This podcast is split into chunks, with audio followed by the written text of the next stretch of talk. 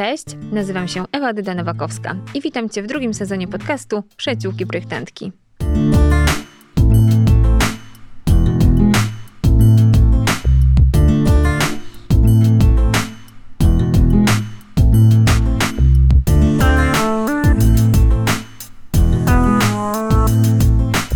Partnerem podcastu jest firma Cerrat. Dzień dobry, witam Was serdecznie na drugim odcinku podcastu drugiego sezonu. Moją gościnią jest e, dzisiaj Anna Maria Sokołowska, witam. architektka i projektantka wnętrz z e, Trójmiasta. Tam prowadzisz swoją e, działalność już 18 lat doświadczenia. Cześć Aniu. Cześć, witam. Dziękuję Ci, że przyjęłaś e, zaproszenie do mojego podcastu. E, nie bez powodu e, się tutaj znalazłaś. Twoje doświadczenie i to, jak mówisz na temat swojej pracy, z pewnością jest bardzo edukujące i inspirujące dla, dla innych projektantów, tych początkujących i tych, którzy po prostu chcą się rozwijać. Zaprosiłam Cię do rozmowy na temat różnych trudności i kryzysów bo to jest temat wiodący mojego drugiego sezonu, e, tym jak się z tym e, zmagać. Powiedz mi, e, miałaś na pewno przez te 18 lat takiego najtrudniejszego klienta i bardzo trudne współpracę. Czy teraz umiesz już wyczuć takiego klienta, na przykład przed podpisaniem umowy? To wszystko tak naprawdę zależy od tego, jak definiujemy trudnego klienta ponieważ dla każdego jest to zupełnie inny klient. E, dla jednych osób trudnym klientem będzie osoba, która ma swoje zdanie, ma swoje y, preferencje, y, potrafi o nich jasno mówić, potrafi stawiać granice, potrafi dyskutować. I dla niektórych właśnie to będzie trudny klient. Y, ja ogólnie nie lubię iść raczej na łatwiznę, mhm. więc taki klient to jest dla mnie bardziej wyzwanie niż trudny klient. E, drugim takim typem na pewno będzie klient, który mm, od samego początku nie jest zdecydowany, mhm. nie wie czego chce, ma problemy z decyzyjnością, e, przez co też nie ufa nam, nie potrafi nam zaufać i przez co też jakby deprymuje naszą rolę w y, jego projekcie. Mhm. E, ale tutaj tak naprawdę jest kwestia właśnie tego wyczucia na początku. I y, są różne takie cechy klienta, które możemy jeszcze przed podpisaniem umowy, tak naprawdę nawet jeszcze przed, y, przed ofertowaniem, możemy, możemy jakby wyłapać mhm. właśnie. Tutaj myślę kluczowym jest y, to, żeby klienta y, od samego początku dobrze przepytać i y, myślę, że zarówno takie spotkanie online, jak i taka rozmowa telefoniczna, ale też takie spotkanie osobiste z klientem jest w stanie już nam o nim bardzo dużo powiedzieć. Więc takie właśnie personalne spotkania, nawet właśnie jeżeli miałyby być online, mhm. dają bardzo dużo takiego feedbacku o tym, czy to będzie klient dla nas Często się zdarza tak, że klienci e, przychodzą i już od razu się czuje, że to jest taki klient szukający, mhm. że to jest klient, który mm, próbuje gdzieś tam czegoś się dowiedzieć, nawet wyciągnąć pewne informacje, informacje. już wcześniej odnośnie tego, e, jaki projekt ma potencjał, co by można było zmienić, nawet jeszcze nie mając oferty, ale już, mhm. już zaczyna węszyć, już zaczyna się zastanawiać właśnie nad tym, e, za co, za co tutaj pociągnąć za e, okay. właśnie projektanta, mhm. żeby, żeby już tutaj mu coś e, na wstępie powiedział. Ale często jest tak, że też czujemy, że nie jesteśmy tym pierwszym wyborem e, takiego klienta. Też jest taka, jest taka tendencja właśnie do mm, negocjowania ceny. Mhm. I do castingów, nie? Tak, i do castingów. Natomiast nie zawsze negocjowanie ceny wiąże się z tym, że klient nie czuje wartości w naszym projekcie, tylko często po prostu jest to takie, można powiedzieć, obwąchiwanie mhm. E, terenu. No albo ma takie trochę biznesowe nastawienie do każdej usługi, którą kontraktuje, tak? Bo tak. na przykład jakby z jakiejś takiej branży się wywodzi, gdzie zawsze po ofercie przychodzi jakaś kontroferta i on na przykład w ten sposób funkcjonuje i dla niego jest to normalne, że, że stawka jest jeszcze do, do ustalenia, nie? Tak, dokładnie. A, a, w naszej branży wydaje mi się też, że może być tak, że e, my, czy tam na przykład ja, tak jakby osobiście i personalnie podchodzę do pracy e, wykonywanej, więc tak jakby wycena własnej pracy, którą uważamy częściowo za e, artystyczną, e, może mieć taką, wiesz, takie znamiona tego, że, że się nie powinno z nami negocjować, bo właśnie to jest, jakby to jest, to jest oferta. Tak, i ja myślę, że mimo wszystko do nas trafiają w większości klienci bardzo świadomi. Mhm. Są to klienci, którzy e, przede wszystkim trafiają e, do naszego biura, dlatego że to jest to konkretne biuro, e, to konkretne nazwisko i z tą konkretnie osobą mhm. chcą po prostu pracować. I zdarza się to od wielu lat bardzo często. Natomiast największe problemy mam z osobami, które trafiają trochę z przypadku. Z łapanki takie. Tak, mhm. trochę z przypadku mhm. na zasadzie okej, okay, to wybiorę tą osobę, bo dała dobrą cenę, mhm. bo ma e, ciekawe projekty, dobrą mhm. ofertę, ale e, to nie są klienci świadomi tego, z czym wiąże się e, projektowanie i współpraca z projektantem. Mhm. Bo bardzo często jest tak, że to są klienci, którzy uważają, że skoro przychodzą do projektanta, to oni mogą wymagać tego, żeby projektant projektował, zaprojektował wszystko, co oni mhm. zechcą. E, I bez względu na to, czy to jest akurat styl projektowy, w którym dany projektant pracuje, czy, czy nie, e, zupełnie jakby nie, nie patrzą też na takie mm, właśnie aspekty wizualne tego, e, w czym dany projektant się specjalizuje, wychodząc mhm. z założenia, że skoro przychodzą do dobrego projektanta, to, to on zaprojektuje wszystko. wszystko. Mhm. A myślisz, że e, jakąś taką dobrym, dobrym początkiem do tego, żeby takiego klienta, e, który jest świadomy pozyskać, jest... E, prezentowanie siebie, nie tylko projektów, nie tylko wizualizacji, ale też jakby takich trochę swoich cech, swojej osobowości, nie wiem, w social mediach, tak żeby dać się poznać i dać się polubić i dzięki temu osoby, które do ciebie trafiają, um, mają takie poczucie, że trochę ciebie znają i jest to dla nich um, kolejny argument, żeby e, tą współpracę nawiązać. Myślę, że tak, chociaż w moim przypadku zauważyłam, że to jest dokładnie e, w drugą stronę. O nie, to znaczy? E, mam od lat taki feedback e, i, i to naprawdę zdarza, raczej znaczy nie zdarza się to często, ale jak już ktoś się pokusi o szczerość Aha. w stosunku do mnie, kiedy poznaje mnie osobiście, to jest takie ale wiesz co, ja myślałam, że ty jesteś inna. Wow, okej, okay, no to ciekawe jestem teraz, musisz to zgłębić. I wtedy jest moje takie, okej, okay, dobra, dawaj, przyjmuję na klatę. Okazuje się, że um, poprzez e, to, w jaki sposób um, mówię o um, rzeczach związanych z projektowaniem, mhm. przez to, że jestem taka na co dzień w, komunikowaniu E, taka bardzo... Mm, kategoryczna. Kategoryczna, taka, e, nie, nie powiem wyniosła absolutnie, mhm. bo, bo e, to, to się nie pojawia, mhm. ale taka zasadnicza i mhm. profesjonalna. O. I jestem mm, przez to postrzegana przez wielu projektantów jako osoba niedostępna mhm. i jako osoba taka, która e, ra, raczej tak bardzo dy, mm -hmm. z dystansem do wszystkiego i do wszystkich podchodzi. Po czym w momencie, kiedy poznają taka mnie... Taka chłodna bardziej, tak, rozumiem. Tak, mm -hmm. taka zdystansowana mm -hmm. właśnie. Po czym jak poznają mnie osobiście, to okazuje się, że ja jestem po prostu totalnie inną osobą. Okay. Jestem, jestem ciepła, wesoła, potrafię żartować, mhm. jestem bardzo otwarta, bardzo szczerze mówię. Okay.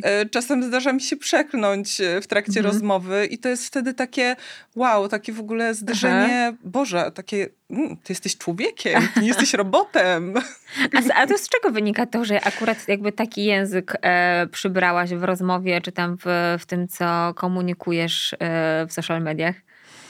Czyli wydaje mi się, że y, ja jeszcze nie do końca chyba e, czuję się dobrze e, z mediami społecznościowymi Aha. w kwestii e, takiej pokazywania Czyli to jest jakaś siebie. taka bezpieczna wersja dla tak, ciebie. Tak, mhm. to jest taka bezpieczna wersja, ponieważ wydaje mi się, że ona jest taką najbardziej uniwersalną, jeżeli mhm. chodzi o przekazywanie informacji zarówno w stosunku do klientów, jak i do mhm. projektantów. Okay. Dlatego, dlatego taki właśnie taki ton profesjonalny, taka, takie jakby wycofanie jest, jest takim dla mnie chyba taką barierą, którą wiem, że myślę, że warto przekroczyć. Warto, to mogę ci powiedzieć z mojego doświadczenia. Pokazanie siebie właśnie w formie mhm. takiej bardziej wyluzowanej, E, myślę, że, że jest, że jest e, dużo mhm. bardziej pozytywny w odbiorze, e, ale cały czas mam jeszcze chyba taki dystans, możliwe, że też po prostu do siebie mhm.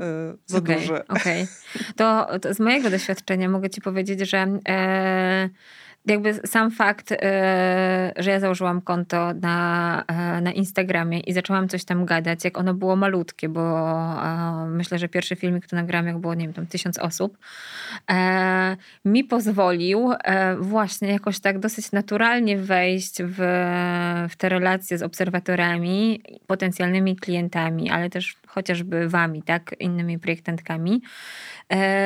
I Doskonale rozumiem jakby twoje podejście, bo myślę, że i tak jestem dużo większą wariatką niż to, co widać na, na moim profilu. Więc mam tam jakiś hamulec taki, wiesz, bezpieczeństwo, którym się odpala i, i nie jestem taką, nie wiem, tam turbo, turbo e, sobą. Ale ale właśnie przejście takiej granicy i trochę przesuwanie jej w kierunku tego, żeby tak bardzo swobodnie i naturalnie funkcjonować, mi na przykład przynosi klientów, którzy spotykając się ze mną, czy rozmawiając ze mną telefonicznie, czy nawet nagrywając mi DM, wiesz, w wiadomości, e, rozmawiają ze mną tak, jakby mnie znali i to i dzięki temu takie pierwsze lody mamy e, przełamane, tak? I ja wiem, że e, te osoby, które, te projekty, które mam z Instagrama, jakby mówiąc kolokwialnie, e, one są zawsze fajne, bo przyciągam po prostu ludzi, którzy rezonują jakby z tą moją energią, nie? Więc jakby wydaje mi się, że można tą granicę czasami e, przesunąć i będzie e, jakby no taki pozytywny, tak, e, feedback.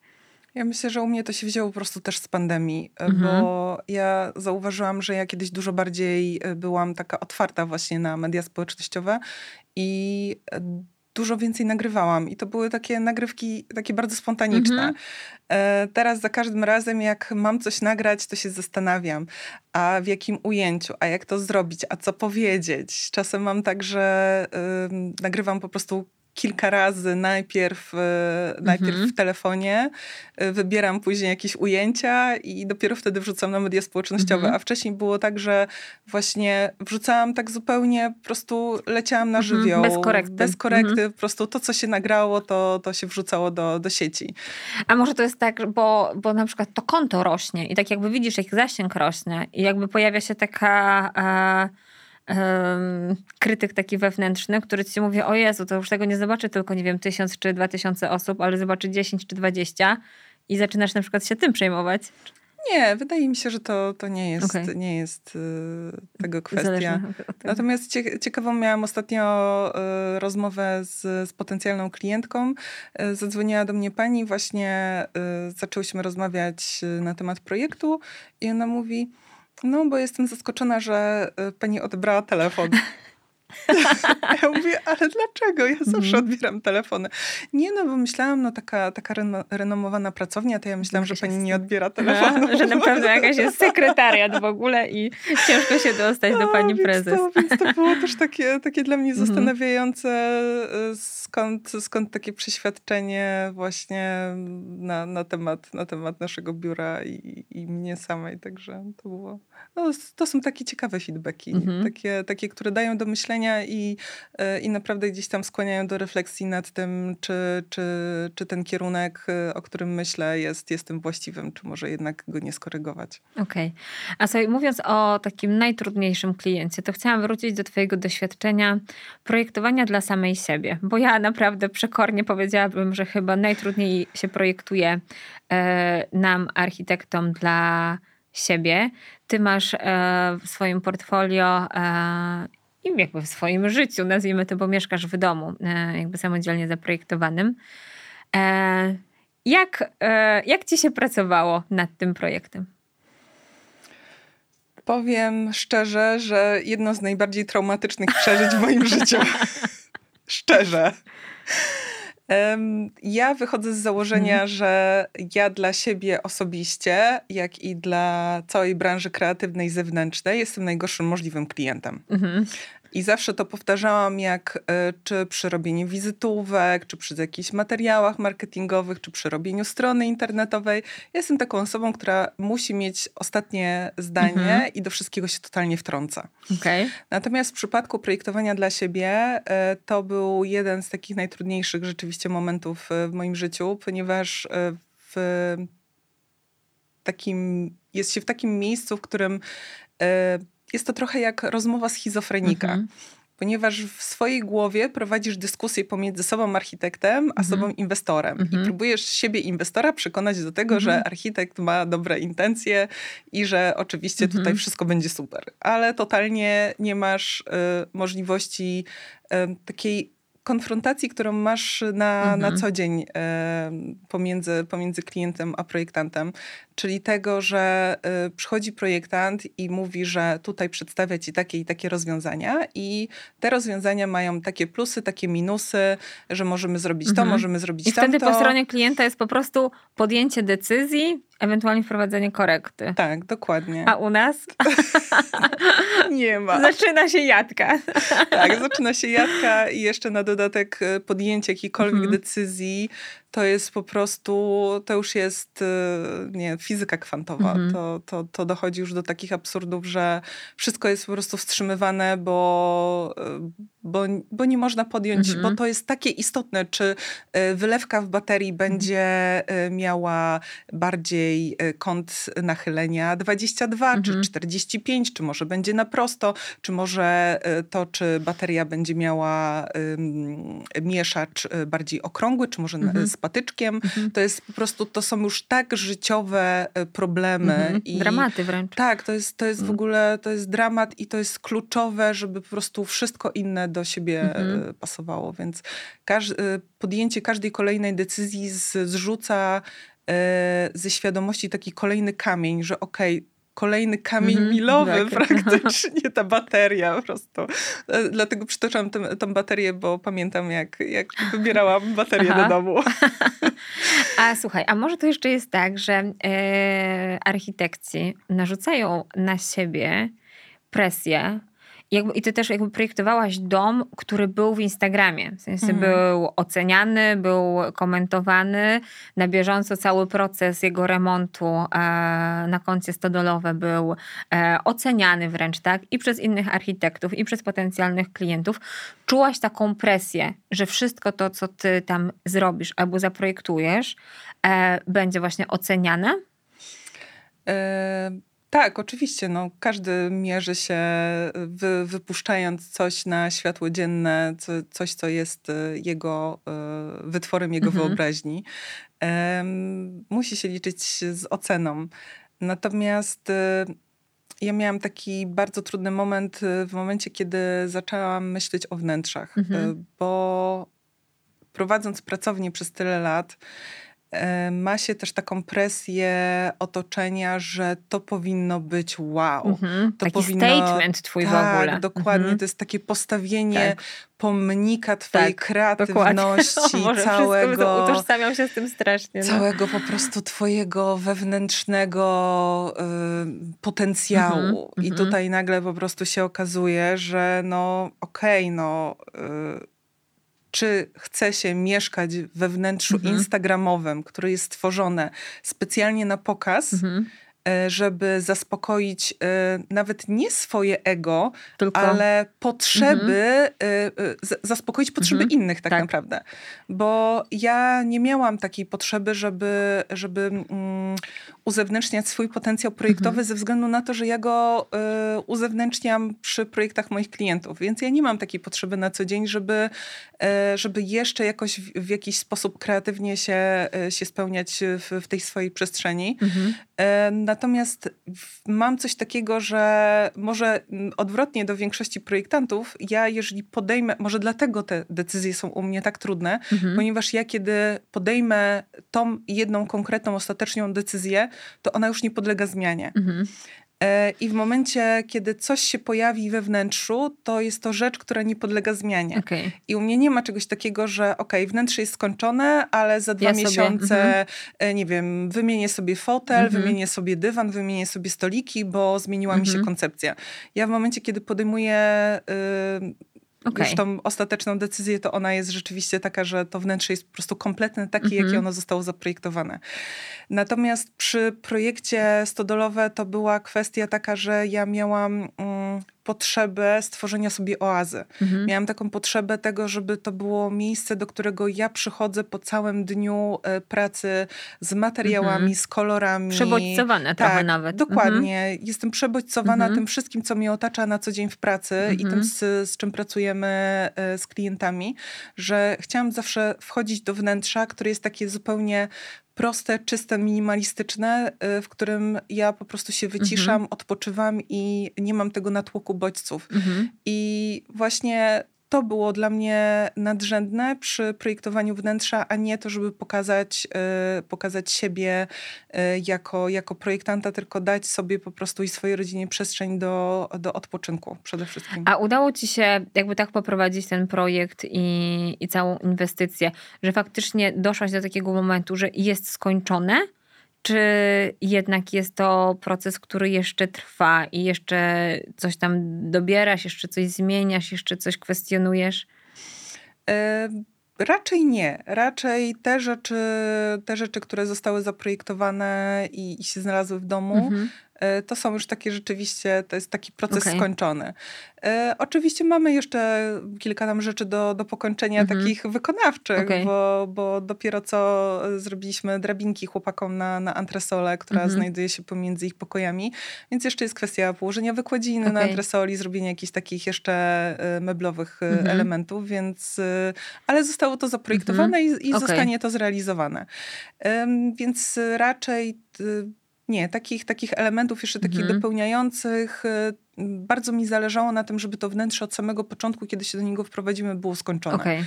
E, ze względu też na naszych partnerów, którzy mm -hmm. z mhm. nami e, współpracowali mm -hmm. przy, przy tym projekcie, ale też ze względu na to, że mm, bardzo mi zależało na tym, żeby zrobić e, też sesję zdjęciową mm -hmm. już po, po ukończeniu, bo, bo, to jest też, bo to jest też taka wizytówka, która na siebie mhm. pracuje. Więc im szybciej jesteśmy w stanie to mhm. pokazać na zewnątrz jako w formie, tak, w formie gotowej, e, tym szybciej to zacznie na siebie pracować. Więc e, ja wychodzę z założenia, że e, zarówno bryła, jak i wnętrze jest gdzieś tam moją wizytówką i, i gdzieś tam takim, taką kwintesencją tego, jak ja postrzegam swoją przestrzeń i, i taki, można powiedzieć, minimalizm, który jest y, taki bardziej, bardziej ciepły. Mhm, okay. Więc mimo, że na co dzień e, pracujemy na mm, różnych wnętrzach i, i stylistyka jest, y, jest też y, dosyć, dosyć bogata, E, to jednak cały czas gdzieś bazujemy to na takiej, taki... tak, na, na, na, mhm. takim, na takim tym punkcie, od którego tak naprawdę wychodzą nasze wnętrza. Okay. I trochę traktuję ten swój dom właśnie jako taki właśnie punkt wyjściowy e, do pokazania jakby e, dalej stylu, stylu pracowni. Okej, okay. no to miałaś motywację, żeby to skończyć. Faktycznie, ja zupełnie inaczej, bo ja mam wrażenie, że muszę żyć w wiecznie nieskończonym wnętrzu. Jak się jeden e, remont, czy jakaś tam metamorfoza kończy, to druga się zaczyna. E, ale myślę, że to jest po prostu też kwestia e, jakiegoś charakteru i takiej jakby ciągłej potrzeby, potrzeby zmiany. Więc zazdroszczę i na pewno jakby mój, mój mąż też zazdrości, bo on non-stop żyje w remoncie i znowu coś zmieniamy. A słuchaj, wróciłabym jeszcze do tego tematu, takiego jakby, że w całym tym procesie, na przykład przy, na razie jakby zostaniemy przy stodolowe, miałaś momenty, które teraz byś nazwała najtrudniejszymi i pamiętasz takie, które naprawdę, tak jak tu kolokwialnie mówimy, zmiotły cię z planszy? Cała ta przebudowa była Okej, okay, jeden, jeden wielki, okej. Okay. tak naprawdę miałam, miałam kilka takich mhm. E, momentów kryzysowych, e, które się e, bardzo na mojej psychice mhm. odbiły. Ale tak naprawdę ten ta cała realizacja była od samego początku trudna, ponieważ zaczęło się od tego, że e, bardzo ciężko było kupić e, w ogóle mhm. działkę, e, ze względu na to, że żaden bank nie chciał sfinansować działki, która była sprzedawana jako działka z budynkami do wyburzenia. Mhm. Okay. Natomiast mi od samego początku tylko właśnie na tych budynkach okay. zależało. Więc nie wyobrażałam mhm. sobie tego, że y, miałabym spełnić warunek banku pod tytułem y, wyburzenie budynków mhm. y, przez poprzednich y, właścicieli. Okay. Żeby Jeszcze, dopiero ją zakupić. Tak, mhm. dokładnie. Więc to w ogóle nie wchodziło w grę. Mhm. Więc y, walczyłam z tym 10 miesięcy, żeby w ogóle sfinansować okay. możliwość zakupu działki. Mhm. A potem się zaczęła po prostu cała, cała akcja z, z projektem. Mhm. Więc ciężko wrócić y, po dekadzie niepracowania w kubaturze. Mhm. Ciężko architektowi wrócić y, do, do pracy takiej y, zawodowej, mhm. bo, bo ja wcześniej też przez, przez jakiś czas pracowałam w biurze architektonicznym i rzeczywiście zajmowałam się stricte kubaturą. Projektowałam domy jednorodzinne i osiedla mhm. mieszkaniowe. I po 10 latach naprawdę to jest tak jak zaczynanie wszystkiego mhm. od nowa. Takie wiem, że nic nie wiem znowu. Dokładnie, mhm. wiem, że nic nie wiem, bo muszę się zapoznać e, z planem, mhm. muszę się zapoznać e, ze no, zmianami. prawo się zmieniło. Tak, no. Zmieniło się prawo przez dekadę, więc muszę się za, zapoznać e, z prawem, muszę się zapoznać z tym, jak wygląda na dany moment kwestia dokumentacji, mhm. jakie dokumenty są potrzebne, co trzeba złożyć. Mhm. A nie przeszło ci przez myśl, żeby to zlecić? O, oczywiście, że przeszło, ale e, powiem ci tak, to co powiedziałam wcześniej, jestem bardzo bardzo trudnym mm -hmm. klientem mm -hmm. i y, nikt z moich znajomych nie podjąłby się pracy ze mną okay. jako klientem. e, więc, więc nie było, mm -hmm. nie było w ogóle takiej opcji. Ale ten cały proces jakby projektowy też, też długo trwał i właśnie mhm. też dlatego, że, że no, jednak trzeba było to wszystko od, od początku gdzieś tam sobie mhm. E, poukładać. Działka też nie była łatwa, bo e, to była w ogóle mm, e, działka budowlana, aczkolwiek od mojej działki zaczynał się nadzór konserwatorski w ogóle nad, nad mhm. jakby tym całym terenem.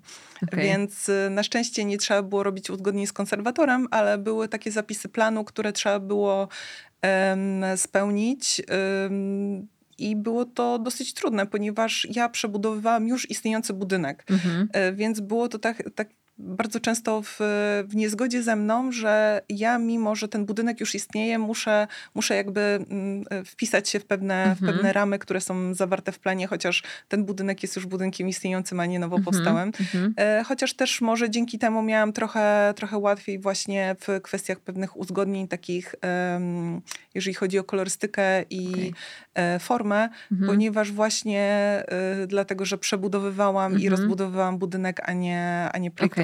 Go. To była e, otwarta furtka na to, żeby tak. zrobić coś po swojemu. Natomiast cały, cały jakby proces przebudowy był bardzo trudny, ponieważ e, w pierwszej kolejności trafiłam na, mm, z polecenia na firmę, która budowała e, dom moim sąsiadom w okolicy. Mhm.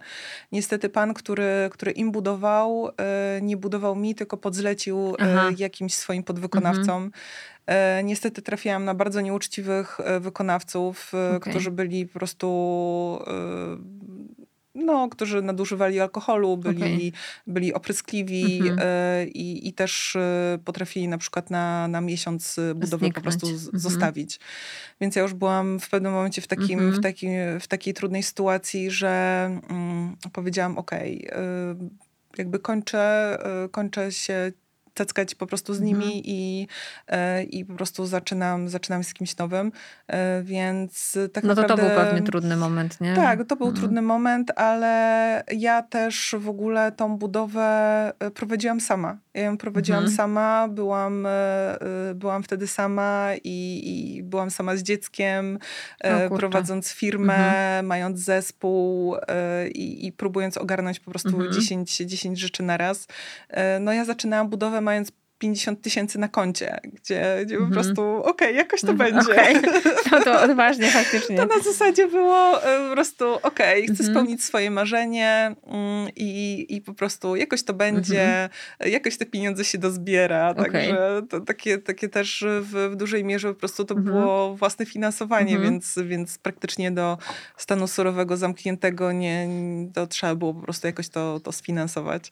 E, więc wyzwanie było bardzo duże i logistycznie to no tym bardziej e, gratuluję. Bardzo, bardzo trudne, więc postawienie, można powiedzieć, prawie własnymi rękoma e, mhm. domu kobiecie, e, która, która miała w jakikolwiek sposób y, mieć posłuch na budowie wśród mężczyzn. Mhm. Zresztą pracujemy w takiej, a nie tak. innej branży, więc na co dzień się z tym y, spotykamy i jest to, jest to dla nas bardzo trudne, aczkolwiek y, na szczęście nie, nie, nie pojawia się to aż tak e, często. Mhm. Myślę, że w przeszłości miałam więcej takich sytuacji, gdzie, gdzie się mnie lekceważyło, e, dlatego że byłam kobietą, kobietą architektem, a, e, a teraz, e, teraz myślę, że, że też sytuacja się w dużej mierze mhm. zmieniła. Oswajamy ten temat trochę, wydaje tak, mi się. No, tak. Próbujemy a, przynajmniej. Ale, ale rzeczywiście, no, budując swój własny dom y, i nie mając y, tak naprawdę takiego zaplecza mhm. wykonawczego, bo co ciekawe, bardzo często słyszałam, no ale jak to ty, architekt, masz takie problemy z, z wykonawcami, z, wykonawcami, mhm. z budową, no przecież ty to powinnaś mieć w jednym palcu. A ja wtedy zawsze mówiłam, okej, okay, ale ja jestem z wykształcenia architektem kubaturowym, ale nie pracuję mhm. w, w tym zawodzie. Pracuję w projektowaniu wnętrz mhm. i ja swoją pracę tak naprawdę albo zaczynam od stanu deweloperskiego, mhm. albo kiedy jest dom w budowie, no to zaczynam od stanu surowego mhm. zamkniętego, więc, więc tak naprawdę nie mam na co dzień e, potrzeby posiadania, tak, e, posiadania murarzy, mhm. posiadania e, dekarzy. gdzieś tam, mhm. tak, dekarzy, mhm. elektryków, hydraulików, tak, tak, takich, którzy rozkładają od podstaw po prostu wszystkie instalacje, no bo jest to po prostu mi na, na co dzień niepotrzebne, więc ja nie miałam swoich ludzi. Ja miałam e, ludzi albo z polecenia, albo miałam ludzi e, po prostu gdzieś tam z OLX albo jakichś innych mhm. E, platform, które po prostu no, trzeba było zobaczyć, kto ma dobre opinie mhm. i, i, I zaufać tak I, za, tak, I dokładnie, mhm. i zaufać. No, czasem się okazywało, że e, mimo własnego doświadczenia, mimo tego, że się pojechało na budowę, którą, mhm. którą ta dana osoba prowadziła, e, zobaczyło się pracę tej osoby na, na tej budowie mhm. i, e, i na tej podstawie się podjęło decyzję, okazywało się później, że człowiek był po prostu nieuczciwy, mhm. ponieważ y, pracę, którą on pokazywał na budowie, to jeszcze wykonywał on sam, mhm. a, a, potem a, potem, a potem zlecał i, i się okazywało, że po prostu y, przyjeżdżały jakieś totalnie nie, niewykształcone i nie y, nawet niekompetentne, niekompetentne ekipy. tak, osoby, y, które, które pierwszy raz miały styczność z danym materiałem czy z daną technologią, mhm. więc, więc naprawdę było to bardzo trudne. Droga chyba, przez mękę. Chyba taki jeden moment, w którym rzeczywiście to we mnie wszystko po prostu puściło. Dostałam po prostu takiego e, ataku histerii na mhm. budowie. Mhm. To było, kiedy mm, hydraulik e, otworzył e, pion kanalizacyjny przed jego zabudową i się okazało, że cały pion kanalizacyjny jest zaklejony zlewkami z tynkowania. Oh, po prostu mhm. te, takie grudy tynku, jakie mhm. były, od, od razu wezwałam po prostu ekipę od, od czyszczenia kanalizacji. A to było z premedytacją zrobione, rozumiem, czy nie? Nie sądzę. Myślę, że była to po prostu y, czysta głupota i niechlujstwo, mhm. ponieważ to było, to się zaczęło od piętra. Mhm. Po prostu y, ludzie, którzy, którzy po prostu zlewali wodę razem nie z resztkami tynku, się... nie chciało im się mhm. po prostu zejść na dół, więc y, puszczali to do, do kanalizacji, więc to był mhm. taki moment, kiedy ja po prostu no naprawdę musieli mnie, tam, mhm. musieli mnie tam prawie reanimować na budowie Mhm. I, i, i to były ciężkie momenty. No, także. A powiedz mi, to doświadczenie mm, na pewno wpłynęło jakby na to, jaką jesteś osobą teraz, ale też na pewno wpłynęło na to, jak prowadzisz e, klienta przez cały proces ten projektowy i e, remontowy. Mhm. E, masz faktycznie takie takie przeświadczenie, że te, te twoje rozmowy na przykład teraz, albo te kryzysowe sytuacje, które pojawiają się na budowach mhm. u klientów i jesteś w stanie e, lepiej rozwiązać, jakoś lepiej poprowadzić dzięki tym doświadczeniom? E, tak, zdecydowanie. Mm, myślę, że to jest jedna z lepszych rzeczy, które mhm. wyciągnęłam w ogóle ze swojej budowy. E, to wsparcie, które e, daję teraz klientom, szczególnie właśnie na etapie budowy ich własnych mhm. domów, jest nieocenione. To jest coś, czego nie jesteśmy w teorii w stanie mhm. przyswoić. To znaczy, może inaczej. Jesteśmy w stanie właśnie przyswoić mhm. w teorii, nie jesteśmy w stanie y, powiedzieć, jak to wygląda z praktycznej, mm -hmm, z praktycznej mm -hmm. strony, ponieważ nie mamy takiej wiedzy. Nie mamy, nie mamy wiedzy, bo sami przez to nie przeszliśmy, nie, nie przeszliśmy przez taki, e, przez taki proces i, i nie doświadczyło nas to e, w ten sposób. Natomiast każda jedna rzecz, którą ja wybierałam do siebie do domu, to, była, e, to było podparcie długimi analizami, mm -hmm. czytaniem, sprawdzaniem, analizowaniem, więc tak naprawdę teraz ja jestem taką, można powiedzieć, chodzącą skarbnicą wiedzy. Encyklopedią. Tak, dla, dla swoich klientów dzięki temu na swoim własnym przykładzie mam możliwość y, doradzenia im, y, jaki, jaki materiał, jaka technologia, co się sprawdza, co się nie sprawdza, dlaczego wybrałam to u siebie y, takie, a nie inne rozwiązanie. Więc gdyby nie ta budowa, ja bym była można powiedzieć, taka trochę niekompletna. Teraz, mhm. teraz czuję rzeczywiście zawsze wiedziałam, że jestem osobą kompetentną w tym, co robię, ale teraz mam takie poczucie, że oprócz tych kompetencji, które posiadałam wcześniej, e, zyskałam naprawdę ogrom innych, których, e, które dzięki, dzięki tej budowie mogłam zyskać a nie, a nie inaczej. A czy to budowa domu też jakby sprawiła, że zaczęłaś się zastanawiać nad edukacją i nad edukacją projektanta? Mm, myślę, że nie, bo to tak naprawdę mhm. zaczęło się dużo wcześniej. Okay. E, czasem spotykam się z takim e, hasłem pamiętam cię jeszcze z Golden Line. Aha. E, większość pewnie nas, naszych słuchaczy nie ma pojęcia, czym jest Golden Line. E, nadal chyba istnieje, mhm. ale był to taki chyba pierwszy portal, na, których, na którym powstawały grupy. Mhm. I w takich grupach właśnie... Bo to był taki portal zawodowy bardziej, nie? Tak, to był taki mhm. portal zawodowy, ale też właśnie zawiązywały się tam grupy zarówno zawodowe, jak i prywatne. W mhm. przypadku grup zawodowych to właśnie były na przykład jakieś porady mhm. I były właśnie tam e, takie grupy i ja w tych grupach też się udzielałam. Okay. E, I to było bardzo, bardzo dawno temu, bo to mm. było około 14-15 mm lat, więc, więc jak ktoś e, mówi, że mnie pamięta z Golden to znaczy, że... to stwierdzam, że o, no to już Dawno. grubo.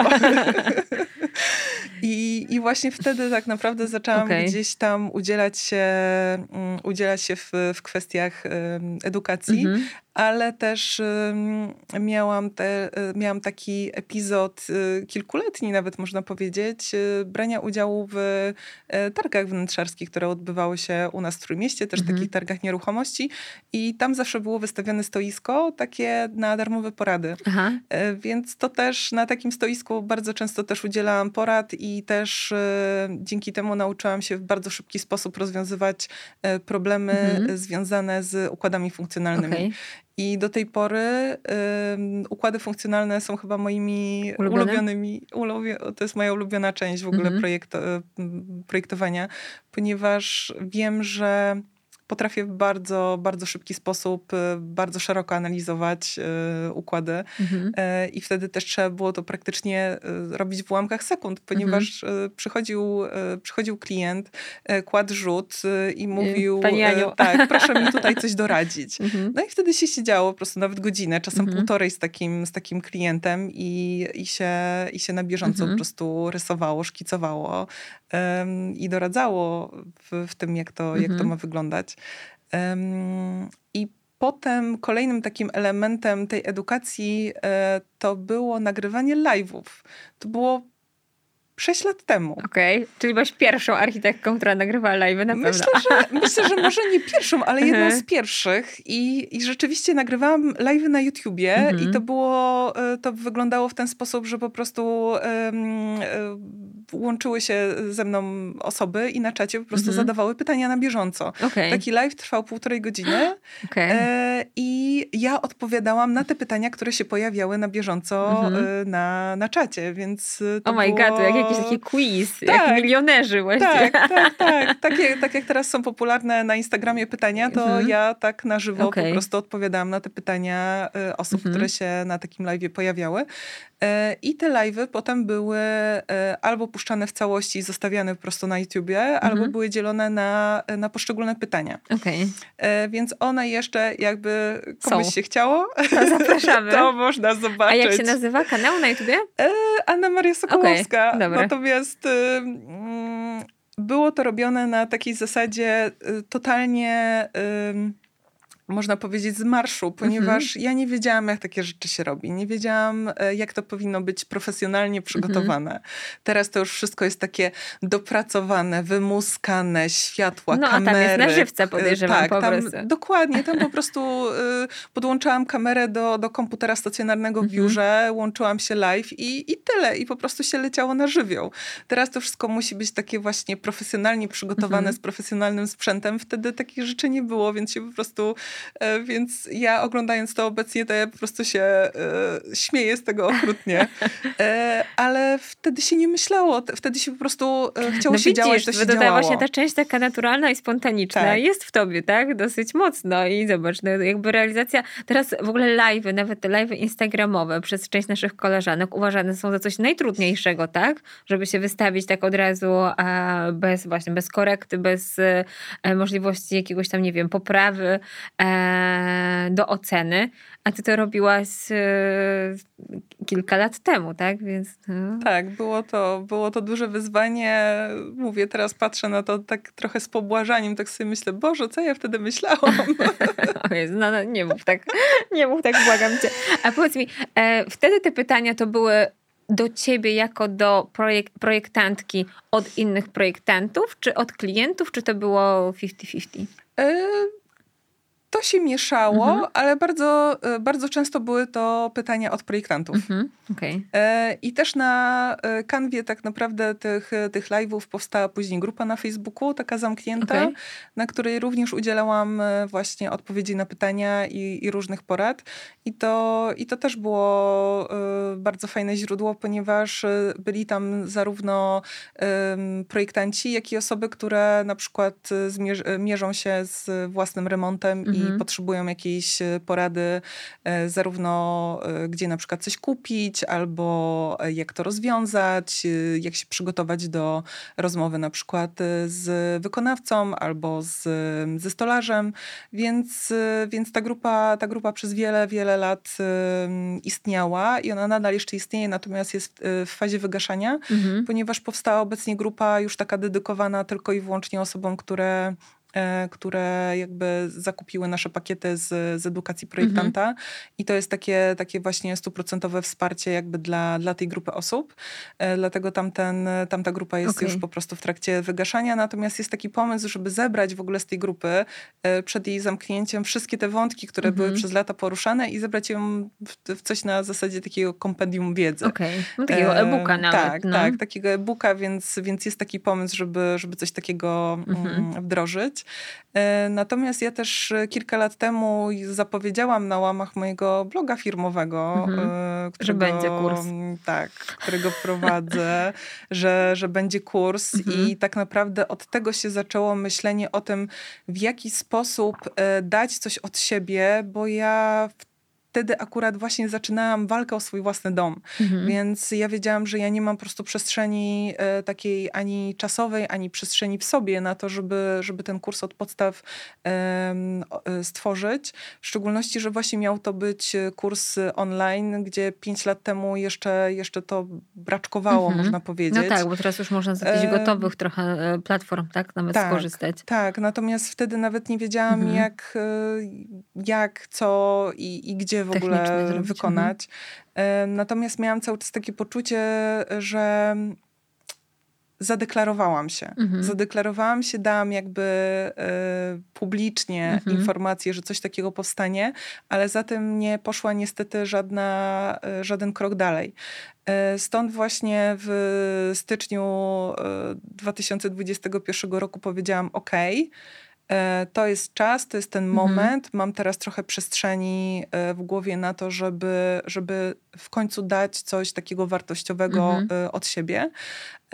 I tak po prostu gdzieś tam na, na prostym szablonie stworzyłam sama podstawę sklepu internetowego mhm. i tak I powstały... co teraz można jakby kupić? Jakie masz te pakiety dla, dla projektantów? Obecnie, obecnie jest ten pierwszy pakiet, który, który wypuściłam, czyli wzory dokumentacji. Mhm są też detale. Wzory dokumentacji są w, w PDF-ach, mhm. detale są w dewugach, więc, więc są już takim e, większym, większą pomocą, większym dopełnieniem. Są też e, szablony mm, tabel, szablony symboli okay. E, oraz są też konsultacje dla, dla projektantów, więc, mhm. więc też jakby tutaj... Takie zawodowe.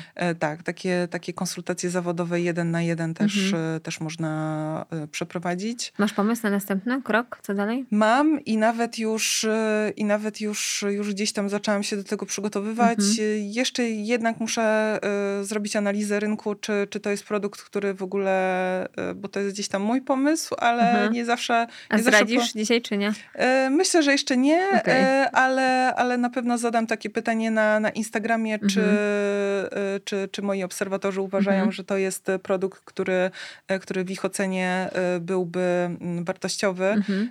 więc na razie, na razie jest to, jest to nadal e, gdzieś tam u mnie z tyłu głowy, i, ale myślę, że może jeszcze w tym roku e, nie obiecuję, e, ale oczywiście też jest przestrzeń, która, która musi zostać e, zagospodarowana w, za jakiś czas na, na tą kwestię kursową. Mhm. Więc myślę o tym cały czas od, od wielu lat intensywnie, um, ale jeszcze część rzeczy musimy w firmie też poukładać, takich procesowych, żeby, żeby rzeczywiście ta, ta przestrzeń się znalazła i żebym już mogła rzeczywiście się E, poświęcić w większym mhm. stopniu mhm. edukacji, a nieco może mniejszym e, projektowaniu bezpośrednim dla klientów.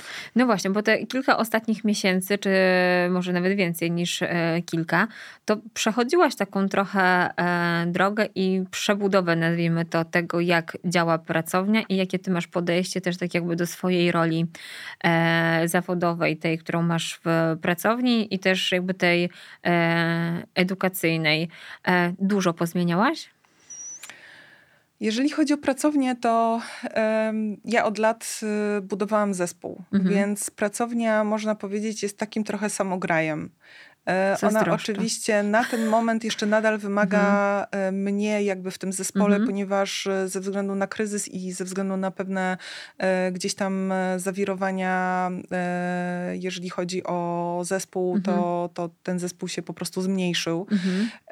Więc w tym momencie ja musiałam przejąć znowu część obowiązków, przez co przez co musiałam się po prostu na nowo za, mhm. zaangażować w projektowanie i bezpośredni kontakt z klientami. Mhm. E, natomiast docelowo e, ja ze względu na to, że mm, muszę rozdzielać różne role e, jakby w jednej mnie tylko mhm. samej, E, pomiędzy mną, projektantem, e, prowadzeniem pracowni, e, wsparciem dla zespołu, a edukacją. Mhm. Muszę po prostu wyciszyć pewne, pewne aspekty swojej działalności, których, których nie mogę połączyć mhm. ze sobą no tak. czasowo. Dzięki temu, że, że mam zespół i dzięki temu, że, że pracownia działa na rynku nieprzerwanie od wielu lat, mam możliwość przejścia jakby z osoby mm, stricte projektującej do osoby zarządzającej mhm. zespołem i mieć jakby swój udział cały czas w projektach, być, być tą osobą, która, która nadzoruje pracę projektantów mhm. i mm, tą taką osobą decyzyjną mhm. pod, pod kątem tego, co wychodzi do klientów, w jakiej formie i, i tego, czy, czy jest to poprawne, bo zawsze będę tą osobą, która będzie tym ostatnim ogniwem sprawdzającym, sprawdzającym projekt przed wyjściem do klienta czy mhm. wyjściem na budowę, e, to jednak ta przestrzeń e, moja w głowie na, na projektowanie jest dużo mniejsza niż była kiedyś. Ze względu na to, że po prostu angażują mhm. mnie zupełnie też e, inne rzeczy. Dlatego, mm, dlatego też powstał pomysł w ogóle rozdzielenia profili i, i było to spowodowane tym, że chciałam w, in, w inny sposób e, trochę komunikować mhm. się z potencjalnymi klientami, a w inny sposób z projektantami. Okay. W momencie, kiedy wchodziło się na mój e, profil firmowy, to tam było e, Wszystko. mydło mhm. i powidło. Więc były, były pakiety dla projektantów, był sklep, mhm. były konsultacje dla klientów, konsultacje dla, dla projektantów, były treści dla projektantów, treści dla klientów i tak naprawdę wchodząc na ten profil, klient nie do końca wiedział, czym ja się właściwie zajmuję. Mhm. Dlatego, dlatego zostały po prostu bez, bez takich zupełnie jakiegoś y, y, płaczu, bez okay, jakiejś bez takiej, mhm. tak, bez emocji. Po prostu powstał pomysł i nagle ja mówię, okej, okay, dobra, robimy mhm. to. Oczywiście, po prostu nie, nie było jakiegoś dłuższego, mhm. dłuższego zastanawiania się. I ze względu też, że na tym moim profilu na Instagramie, który, który naprawdę miał tam um, kilkanaście tysięcy obserwatorów, y, mhm. to zdecydowałam się na to, żeby to był ten główny profil na edukację projektanta, mhm. a profil pracowni stworzyłam od podstaw. Okay. Ze względu na to, że wiedziałam, że na tym profilu e, pod edukację jest bardzo dużo projektantów, mhm. więc jakby moja grupa docelowa... która jest zebrana tak, tam. dokładnie. Mhm. Moja grupa docelowa tak naprawdę mhm. już jest zgromadzona na, tym, mhm. na tym głównym profilu, więc e, zostawianie go pod, pod profil pracowni nie miało mhm. zupełnie sensu, dlatego od podstaw stworzyłam profil pracowni, a, a poprzedni profil poszedł po prostu zmianę E, zmianę nazwy mhm. i, i, poszedł pod edukację e, projektanta, więc pod to też został stworzony e, nowy sklep, już taki wyodrębniony od, okay. od głównej strony pracowni, mhm. więc tak naprawdę zmian przez ostatnie miesiące, od marca zmieniło się bardzo długo, Jezu, przepraszam, bardzo, bardzo dużo. Mhm. Bardzo dużo się zmieniło i był to taki proces długotrwały i trochę tak można powiedzieć krok po kroczku, bo, bo nie było to łatwe, bo nie było to łatwe i przestrzeń czasowa zarówno ta właśnie... No wymaga i, to dużo konsekwencji, dużo samozaparcia. Tak i... I dlatego, y, dlatego też może y, nie dzieje się jakoś super dużo y, na, na, na profilu Edukacja Projektanta, chociaż staram się publikować w miarę regularnie, ale gdzieś, gdzieś tam cały czas jakby zostawiam sobie taką przestrzeń jeszcze na, na pozamykanie spraw takich, takich typowo, które mnie wiążą jeszcze w dużo większym stopniu w pracowni, w pracowni żeby, żeby rzeczywiście móc móc z, z czystym sumieniem powiedzieć, e, ok, tutaj, tutaj pracownia jest zaopiekowana, wszystko, wszystko mhm. jest super, wszystko dobrze e, zorganizowane i teraz mogę się trochę bardziej skupić na edukacji projektantów. Mhm. A słuchaj, e, użyłaś też takiego słowa, że jest e, kryzys i że jest e, spowolnienie ogólnie, nazwijmy to, na, e, na rynku. Między innymi dlatego pracownia przeszła jakąś e, przebudowę i, i jakoś tam ograniczyłaś to. Jak odnosisz się do e, kwestii takich, że wszyscy teraz chcą uczyć, jak pozyskać klienta premium i kim dla ciebie jest klient premium? E, ja na pewno nie będę szkolić do tego, jak pozyskać Naprawdę klienta nie będzie kolejnego kursu, nie. jak pozyskać klienta premium? Nie, Masakra. nie, zdecydowanie nie będzie, nie będzie y, tutaj, nie idziemy w tą stronę. Mhm. Um, tak naprawdę zanim w ogóle y, zaczniemy iść w stronę klienta premium, tak naprawdę my musimy wykonać taki ogrom pracy w sobie, że to jest, to nie jest na zasadzie przejdziesz kurs, mhm. strykniesz palcem i się i, pojawią. I się pojawią. Mhm. E, przebudowa w, w głowie i w mentalności e, to jest taki ogrom pracy i taka skala, że tego nie da się w, w nie wiem, w kilka tygodni, miesięcy, to są, ja myślę, że to są po prostu lata. Mhm. To są lata, lata pracy nad sobą, pracy nad pracownią, e, swojego własnego rozwoju, rozwoju swoje, swojego zespołu, ponieważ praca z klientem premium i z dobrami luksusowymi jest jedną z najtrudniejszych tak naprawdę w, w karierze projektanta, mhm. ponieważ jest to zupełnie inny poziom, zupełnie inne kompetencje, zupełnie inne wartości, którymi, którymi taka osoba powinna się kierować, mhm. ponieważ klient premium również ma zupełnie inne, inne wartości mhm. i zupełnie czym innym się kieruje. Inne potrzeby. I inne mhm. potrzeby, dokładnie dokładnie. To jest, to jest innowacyjność, to jest skupienie na detalu, to jest, to jest skupienie na y, bardzo wysublimowanych y, potrzebach klienta. To jest, y, to jest technologia, mhm. to jest zebranie zaplecza e, firm, współpracowników, którzy sobą... Ten poziom trzymają. Tak, którzy sobą i swoimi mhm. produktami trzymają najwyższą mhm. jakość. Tego się nie da po prostu od tak e, uzyskać. Mhm. E, natomiast chciałabym jeszcze e, dodać, czym tak naprawdę dla mnie osobiście jest mhm. usługa premium. Ponieważ usługa premium usługą premium powinno być wszystko, co robimy. Mhm. To nie jest tak, że my oferujemy usługę premium tylko i wyłącznie dla klienta premium. Mhm. My powinniśmy za każdym razem być traktować. premium. Mhm. Tak, każdego klienta mhm. traktować jak klienta premium, ponieważ e, to jakość e, tego, co robimy, jak robimy, e, nas definiuje i naszą usługę jako premium, a nie tylko to, na jakich materiałach mhm. i na mhm. jakich budżetach pracujemy. Więc myślę, że to jest bardzo ważne. Mhm. Najpierw stwórzmy stwórzmy siebie jako osobę, która jest e, kompetentna, która się rozwija, która mhm. jest profesjonalna, która się szkoli w bardzo szerokim zakresie, e, a dopiero potem zacznijmy myśleć o tym, jak te kompetencje swoje po prostu podnieść mhm. wyżej do tego, żeby móc aspirować do pracy z klientem mhm. premium. Mhm.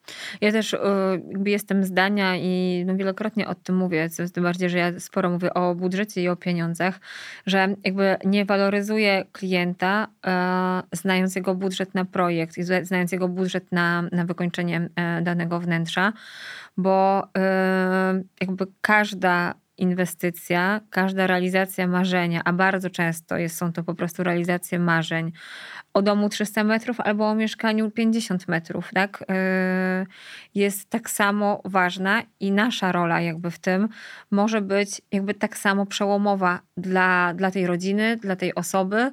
Yy, dlatego no ciężko by było powiedzieć, że jeden jest yy, klientem premium, a drugi nie z powodu takiego, że wybiera, nie wiem, produkty inne, z innej półki, tak, e, cenowej. Mhm. Zgadzam się z tym. Często współprace z klientami trwają całymi miesiącami, nawet e, latami i my jako projektanci e, mocno jakby rezonujemy z tym, e, z tą energią, z tymi emocjami, z którymi borykają się czasami nasi e, klienci. Jakie są twoje e, doświadczenia? Umiesz oddzielać to od tego, jak ty się faktycznie czujesz? Czy ma to na ciebie jakby dosyć duży wpływ? Mm, teraz myślę, że potrafię już sobie w dużej mierze z tym poradzić. Oczywiście zdarzają się takie momenty, kiedy po prostu w zaciszu e, swojego biura e, zaczynam rzucać mięsem, mhm. żeby, Myślałam, roz, żeby, tak? żeby rozładować emocje. Tak, czasem, mhm. czasem tak naprawdę te emocje, te emocje wymagają tego, mhm. żeby je wypłakać, bo już jest się po prostu w takim momencie kryzysowym, że no jak nie, jak nie wypłaczesz, nie, nie wyskaczesz i nie wykrzyczysz, no to już po prostu... Ulewa się. Tak. E, ale też myślę, że bardzo ważne jest to, żeby mm, jednak nie trzymać tego w sobie. E, wiadomo, no nie w takim e, jakby bezpośrednim zetknięciu mhm. z klientem, e, no nie możemy po prostu mu tych emocji po prostu e, wyrzucić, mhm. E, bo, bo jest, to, jest to nieprofesjonalne i, i tutaj absolutnie dokładać jeszcze do emocji klienta nasze Swoje, własne mhm. zdecydowanie nie jest mhm. tutaj wskazane, ale musimy to gdzieś wyrzucić na zewnątrz, ponieważ jeżeli trzymamy te emocje w sobie, no to niestety, ale przekłada się to zarówno na nasze zdrowie fizyczne, jak i psychiczne. E, ale tak naprawdę w takim bezpośrednim kontakcie z klientem powinniśmy być dla niego największym wsparciem. E, więc w momencie, kiedy się pojawiają e, negatywne emocje, nie możemy pozwolić do tego, żeby nastąpiła eskalacja. Mhm. Więc musimy tutaj zachować zimną krew i, i starać się tego klienta uspokoić mhm. i, i dać mu taki feedback, że, że okej, okay, że jest trudno, mhm. że jest stres, ale że my jesteśmy tutaj po to, żeby jego wspierać, żeby e, dać mu rozwiązanie, żeby nie zostawiać go absolutnie z, z tematem mhm. E, samego. I tutaj nasza rola jest bardzo duża w tym, żeby, żeby móc właśnie wyciszyć te emocje klienta, e, a nie pozwolić na to, żeby one jeszcze po prostu urosły do jakichś niebotycznych mhm. rozmiarów. A zdarzało ci się jakby być w obecności klienta wtedy, kiedy puszczają mu nerwy? E, tak, zdarzało się. Mhm. E, najczęściej było to związane po prostu z e, tematami, które absolutnie nie dotyczyły mnie personalnie. Przypadkiem po prostu. tak, zdarzało, mhm. się, zdarzało się, że, że ktoś coś zawalał, mhm. że mhm. nie przyjechała mhm. jakaś lampa, że coś, coś było uszkodzone i po mhm. prostu gdzieś tam te emocje puszczały. No tak. Natomiast nie było to bezpośrednio we mnie mhm. skierowane, nie dotyczyło to bezpośrednio mhm. mnie. I też musimy nauczyć się y, rozdzielać mhm. to, tak. bo zupełnie czym innym jest, kiedy klient przelewa na, na nas swoje negatywne emocje, ale są one spowodowane tym, że gdzieś coś wpłynęło po prostu na, e, na klienta, ale nie możemy tego traktować w sposób personalny. Mhm. Jako ponieważ, ataku na siebie. E, tak, mhm. ponieważ nie, nie uderza to bezpośrednio mhm. w nas personalnie, ale my jesteśmy rzeczywiście niestety takim, takim odbiorcą tych negatywnych emocji i klient też częściowo dlatego, że ma do nas bardzo duże zaufanie, też się dzieli Y, często takimi swoimi negatywnymi emocjami wynikającego z stresu, jakim jest remont. No bo mhm. jakby nie patrzeć, jest to jeden z najbardziej stresogennych y, etapów tak. Y, życia każdego, każdego z nas, więc, mhm. więc tutaj nie dziwmy się, że, że klient, klientom też czasem e, puszczają nerwy mhm. i oni często nie mają świadomości tego, że e, to te negatywne emocje, które nam przekazują, niestety mają później wpływ na to, jak jakie, tak, jak my się czujemy i jak jakie emocje przekazujemy dalej. Mhm.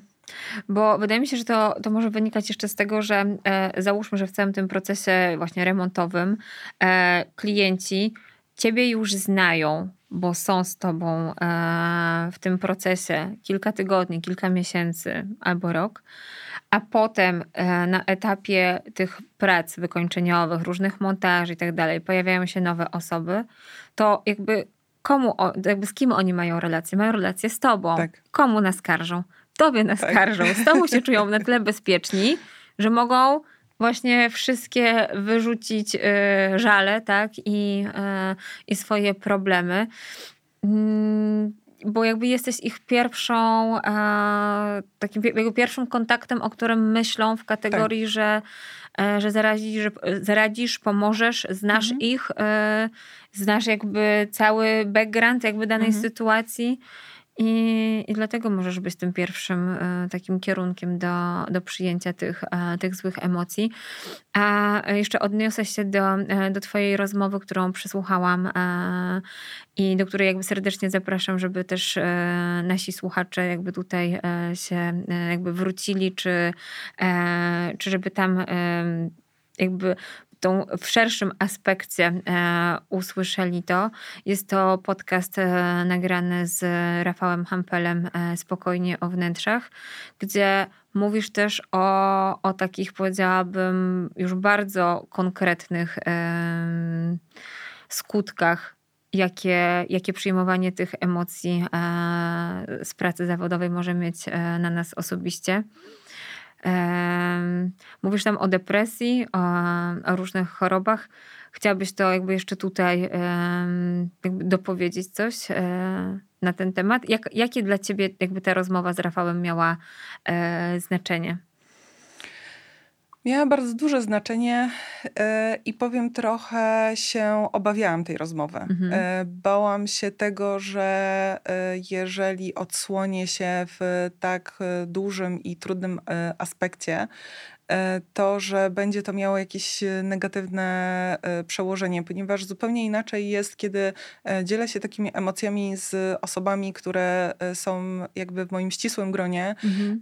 czy z followersami, którzy, którzy są na, na moich profilach, dlatego że, że po prostu że, że mnie lubią, że mnie mhm. cenią e, i, chcą tam być, a zupełnie inaczej, kiedy się wychodzi e, z tym poza wszystkim, to. tak, poza tą swoją bańkę i, e, i nagle po prostu z tymi swoimi emocjami się człowiek odsłania, więc mhm. bardzo się bałam odbioru.